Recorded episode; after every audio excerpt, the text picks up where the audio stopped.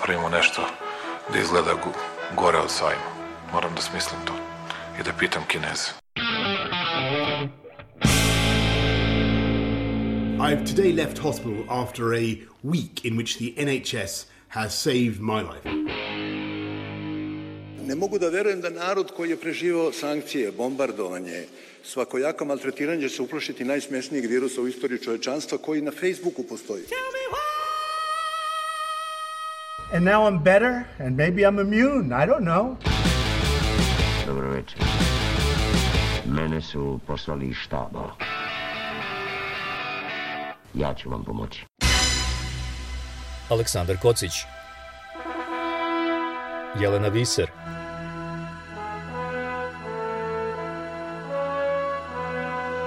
Radio Karantin Hronika istorije u nastajanju Vodiđi, daj mi skan, gledaj kako rolam sad. Smola kaplje, sinđa kao kiša, opet sam naduvan Dži, daj mi skan, gledaj kako rolam sad. Smola kaplje, sinđa kao kiša, opet sam naduvan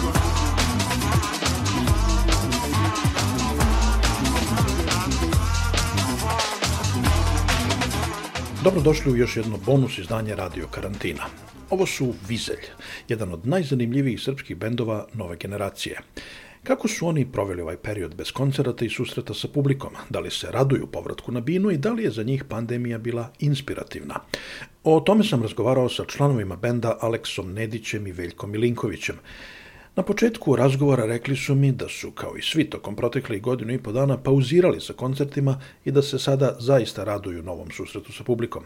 A pre, prekinuli smo naravno taj, taj aspekt ono, live nastupa, ali sad smo ih već dosta zakazali kraj leta, jesen neka, ima ih već ne znam koliko, 7-8 ja mislim, i što u Srbiji, što u, što u regionu, tako da za sad računamo da će to sve se desi, mislim, ako je do sada ništa nije bilo sigurno i bilo je uvek mogućnosti da se stvari da se stvari otkažu, da se stvari promene, da ne bude tako kako smo planirali, to je i sada tako, ali čini mi se da sad ima malo više, više smisla planirati, pošto konkretnije sada deluje ta ideja da će ono, vratiti se barem taj deo života u neku normalnu. Koliko ste vi kao band željni povratka na binu? Kao ljudi smo željni povratka na binu. To je kada ima neko tako dugo band, onda to postane sastavni deo identiteta i onda smo samo kada se desila ova korona, svi smo malo izgubili identitet i malo smo ovaj, um, ovaj, i, i shvatili smo da nam ipak fali, pošto 2019. smo imali baš puno puno, puno koncerata, čak, e, e, čak svirali, svirali smo između oslog i u Edinburgu, ne znam da, da ovaj... Naravno da ste e, kao muzičari i sa poslovne tačke gledišta željni povratka koncertima, Da li imate i neke rezerve, sumnje što se tiče bezbednosti i vas i vaših e, članova ekipe i publike? Brine nas, brine nas naravno kao zdravlje ljudi i to, međutim sada kada je došlo do ovog momenta da se ovo produžilo više nego što je bilo ko o, očekivao da će da se, da će da se dogodi, ovaj, shvatili smo da je ova, ova nova bolest nešto sa čime moramo svi da naučimo da živimo a, jer jednostavno nema, nema, nema, nema smisla plašiti se, ovaj, nego moramo da vidimo kako, kako da a, nastavimo da vodimo naše normalne živote shodno ovaj, datoj, datoj, datoj situaciji. Dakle, ljudi su nastavljali živote koliko to, da li su sad sebe da nastavljaju živote normalno, na primjer, kad je bila inflacija ili kad je bila kad je bio isto i svinski grip, to uopšte nije bilo, ljudi zaboravljaju, ja sam imao svinski grip, to je, ovaj, to isto nije bilo zezanje ovaj, samo što je ovo eto nešto nepoznato i ja mislim da generalno ono, ljudskoj rasi treba da bude za nauk, da se ovaj, da hvala Bogu da nije toliko ozbiljna bolest kao što je mogu, kad kažemo ozbiljna bolest mislim da, da nešto što je ono, da je stepen smrtnosti mnogo, mnogo, mnogo veći i neka nam bude za nauke da budemo srećni što nije tako i da pazimo sledeći put. Mene brine recimo mali broj vakcinisanih ljudi, to me recimo jako, jako brine, ali mi, mi smo rešili da, da kao odgovoran band, da e, insistiramo na tome da, da nama ljudi koji su prošli proces vakcinacije dolaze na koncert, ljudi koji rade svakako moraju da budu vakcinisani, band je vakcinisan, ovaj, sad naravno mi ne možemo nikoga terati da se vakciniš da bi došao na koncert, ali apelujemo snažno da to urade. Tu se nekako moramo da računamo, mo, mislim, to što si pitao da li smo mi zabrinuti, u suštini računamo na to da će ljudi da se ponašaju normalno, mislim, ako imaš simptome nekakve koji potpadaju pod, pod kao simptome korone, ono, nemoj da dolaziš na svirke, mislim, ako nije, nije neki, nije baš neko veliko očekivanje, očekujemo od publike da bude normalna i da se ponaša zdravorazumski, to mislim, mislim da možemo da je realno to da se očekuje, tako da nismo nešto preterano zabrinuti sada da ćemo da budemo ono epicentar novog talasa ili tako nešto. Bili ste u jednoj prinudnoj hibernaciji bar godinu i po dana ili oko godinu i po dana. E, šta očekujete? Da li mislite da će susret sa publikom biti drugačiji? Da li mislite da će ljudi biti e, emotivniji, da će energija biti jača? Jer e, mi koji smo ljubitelji muzike, svi smo željni povratka koncertima. Ja jedva čekam da evo ovaj, odem nešto da gledam, ali nikako da se usudim da kupim prve karte. Pa sigurno, da, sigurno će biti, sigurno će biti spektakularno, meni se čini da to, to što si rekao, da će i publika biti emotivnija, mislim, to je, bili smo recimo sad pre par dana na koncertu, prvi koncert na kom smo bili uh, u poslednjih, pa ne znam, ono, od početka praktično uh, karantine i to ovde u Srbiji, ovaj, stvarno je bilo tako, stvarno ono, kao prvo pojavilo se mnogo više ljudi nego što je, što je bilo očekivano, kao drugo, svi su se stvarno ono, raspekmezili praktično, kao, zato što je zaboravili smo i to, ne samo to kako izgleda kad stojiš pred bendom, nego kako je to kad si među puno ljudi, kako je to kad si ono zajedno urlate i tada taj, taj neki osjećaj, to će sada, i sada se to juri, ja mislim da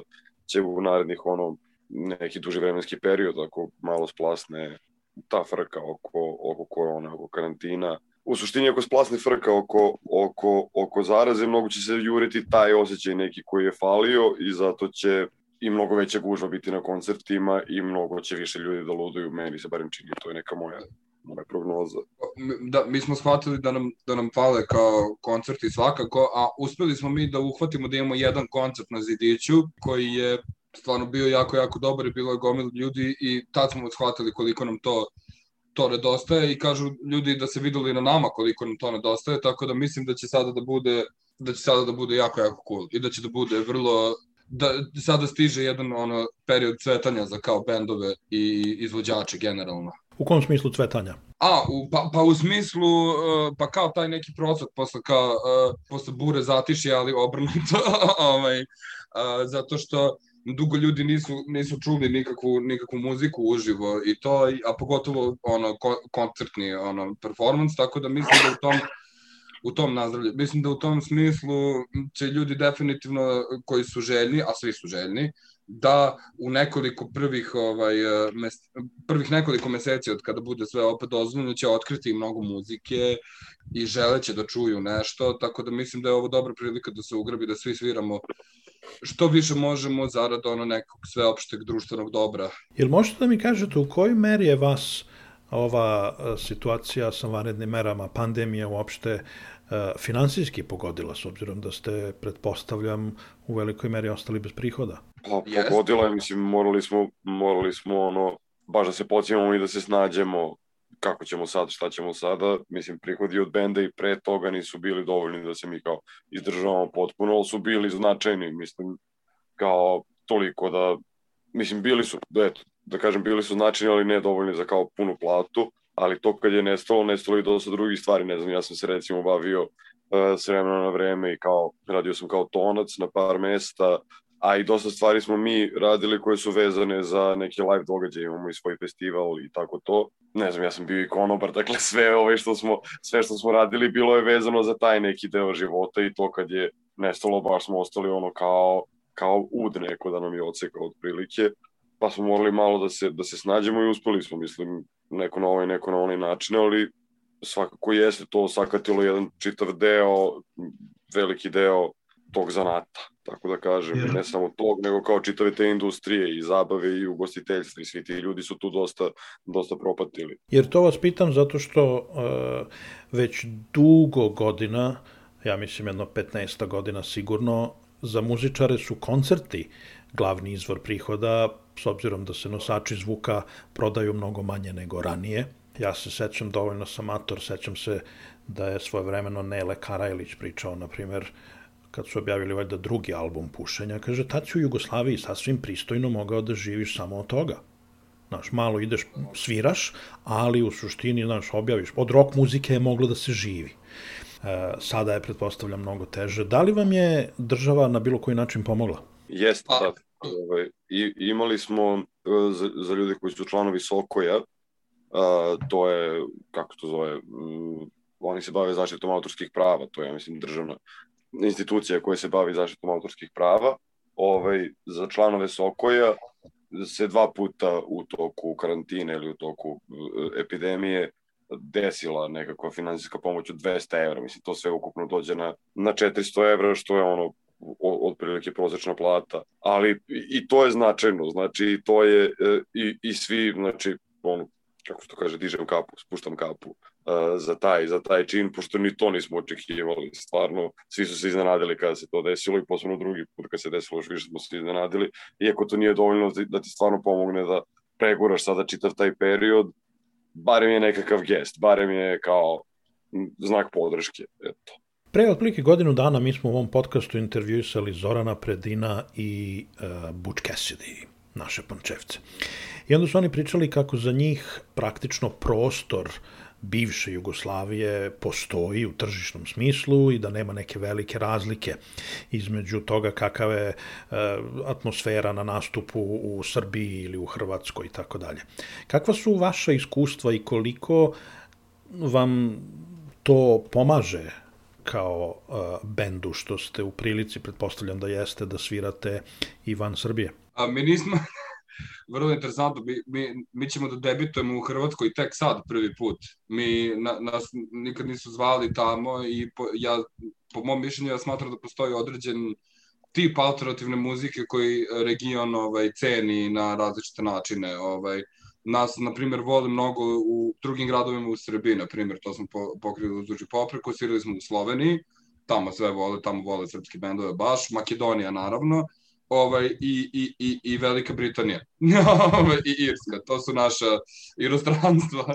Ovaj, tako da sad ćemo debitovati u Hrvatskoj, ovaj, nadam se da u Zagrebu ovaj, i Đakovu i nadam se da će to da bude ovaj, jedan lep debi. Mislim da generalno, generalno da je sviranje u regionu nešto što je potrebno, naravno, ali mislim da je takođe potrebno da se svira što više u, u rodnoj zemlji, na što više mesta, da bi uh, se podigla svest o tome da postoji jedna jaka muzička scena koja je tu da zabavlja gomilu ljudi u suštini, tako da mi, e, zato što mi nemamo toliko, kad se nešto desi u Beogradu, pitanje je dokle to dopre, ako nemamo, ako nemamo svirke na drugim mestima. Tako da, što se tiče naše, ono, ne mogu da kažem ideologije ni filozofije, ali naše kao generalno naše cilja, misije. Naše misije, tako je, ovaj, je da promovišemo mladu scenu i kao alternativnu rock muziku koristeći bilo koji medijum ovaj, sa ciljem da se nekome to dopadne i da dobije ovaj, nekakvu vrstu izbora šta će da sluša, a šta neće. Tako da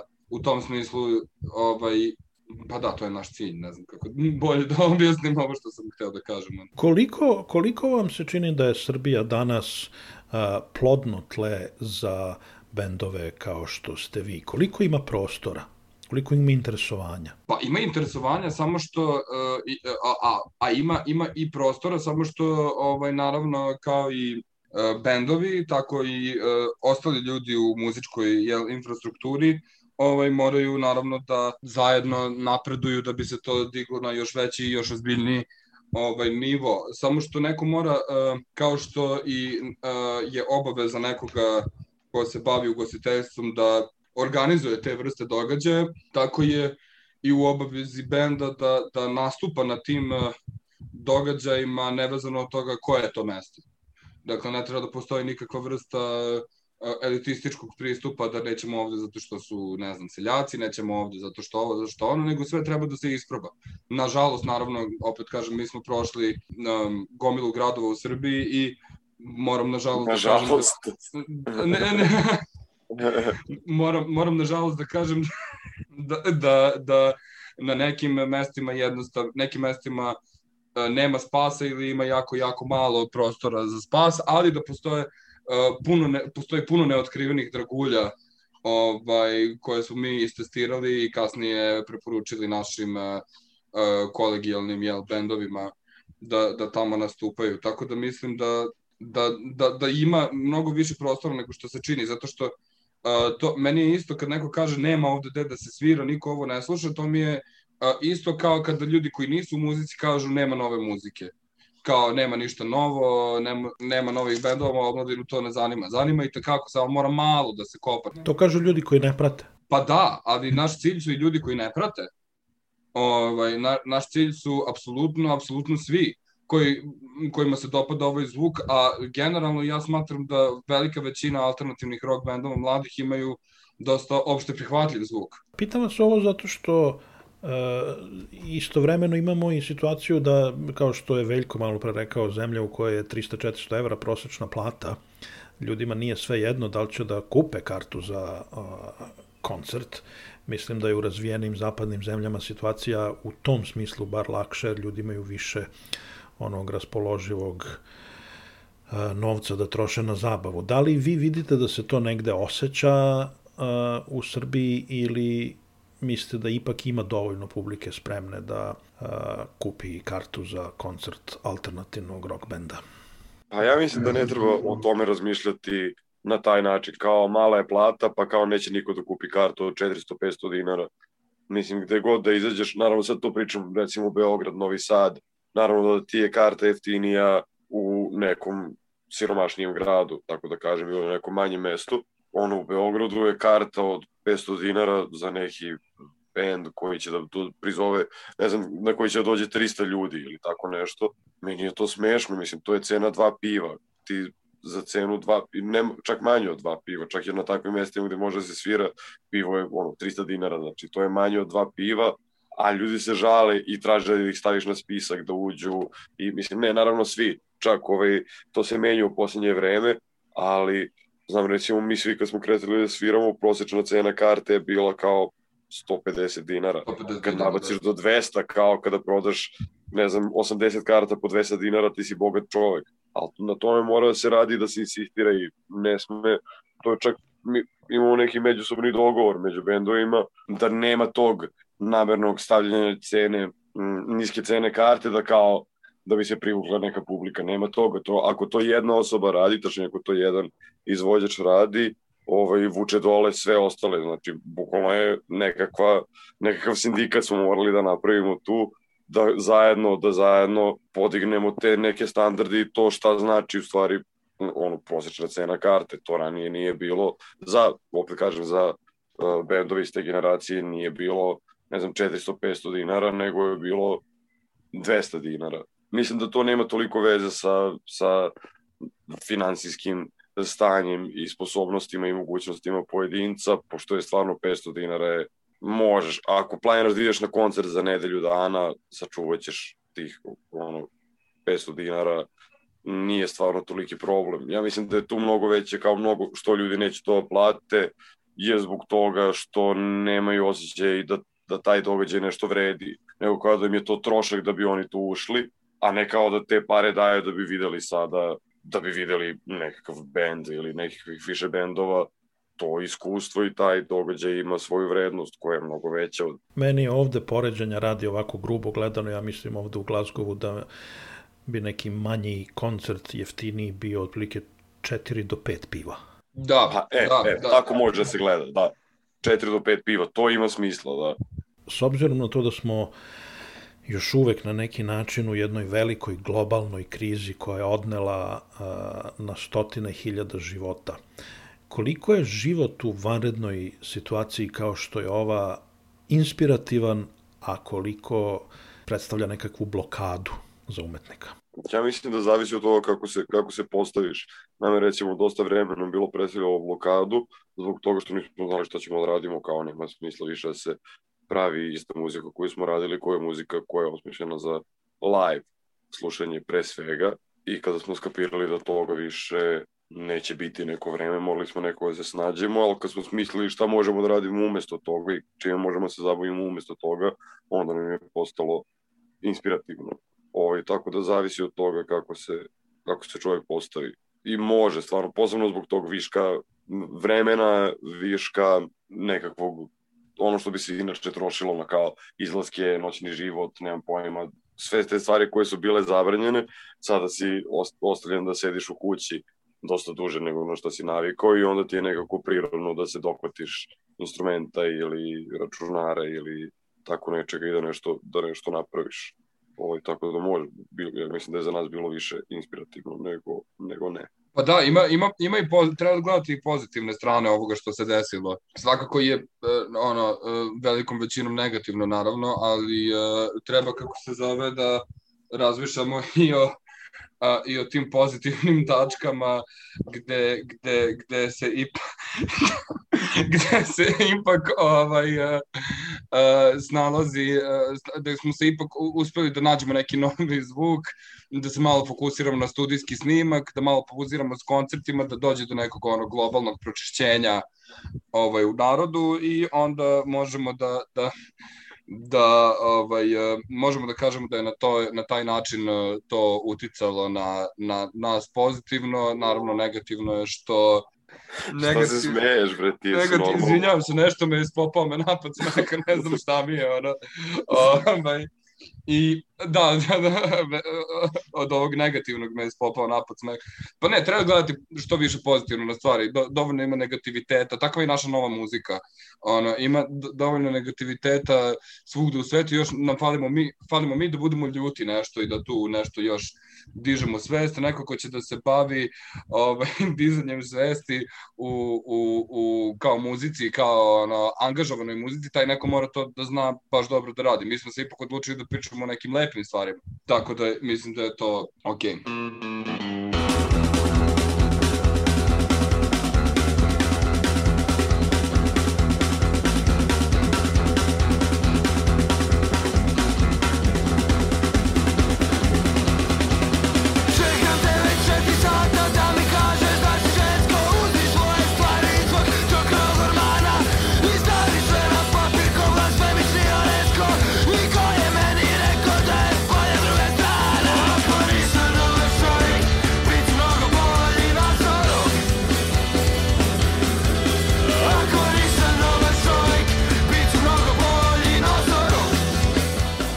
Nedić i Veljko Milinković iz grupe Vizelj. U sredu 21. jula gost bonus izdanja Radio Karantina biće Gorazd Čapovski, vođa legendarnog skopskog benda Mizar. Ako vam se dopada ovaj podcast, zamolit ću vas da nam ostavite ocenu ili komentar na platformi na kojoj ste nas našli. Tako ćete pomoći i drugima da saznaju za nas. A naš rad inače u potpunosti zavisi od vaših donacija. Svaka pomoć i ona najmanja znači nam puno. Možete nas podržati stalnom, mesečnom ili godišnjom donacijom na platformi Patreon ili jednokratnom uplatom preko Paypala. Linkovi za uplate su na našem sajtu radiokarantin.eu. Čujemo se. Aleksandar Kocić Jelena Viser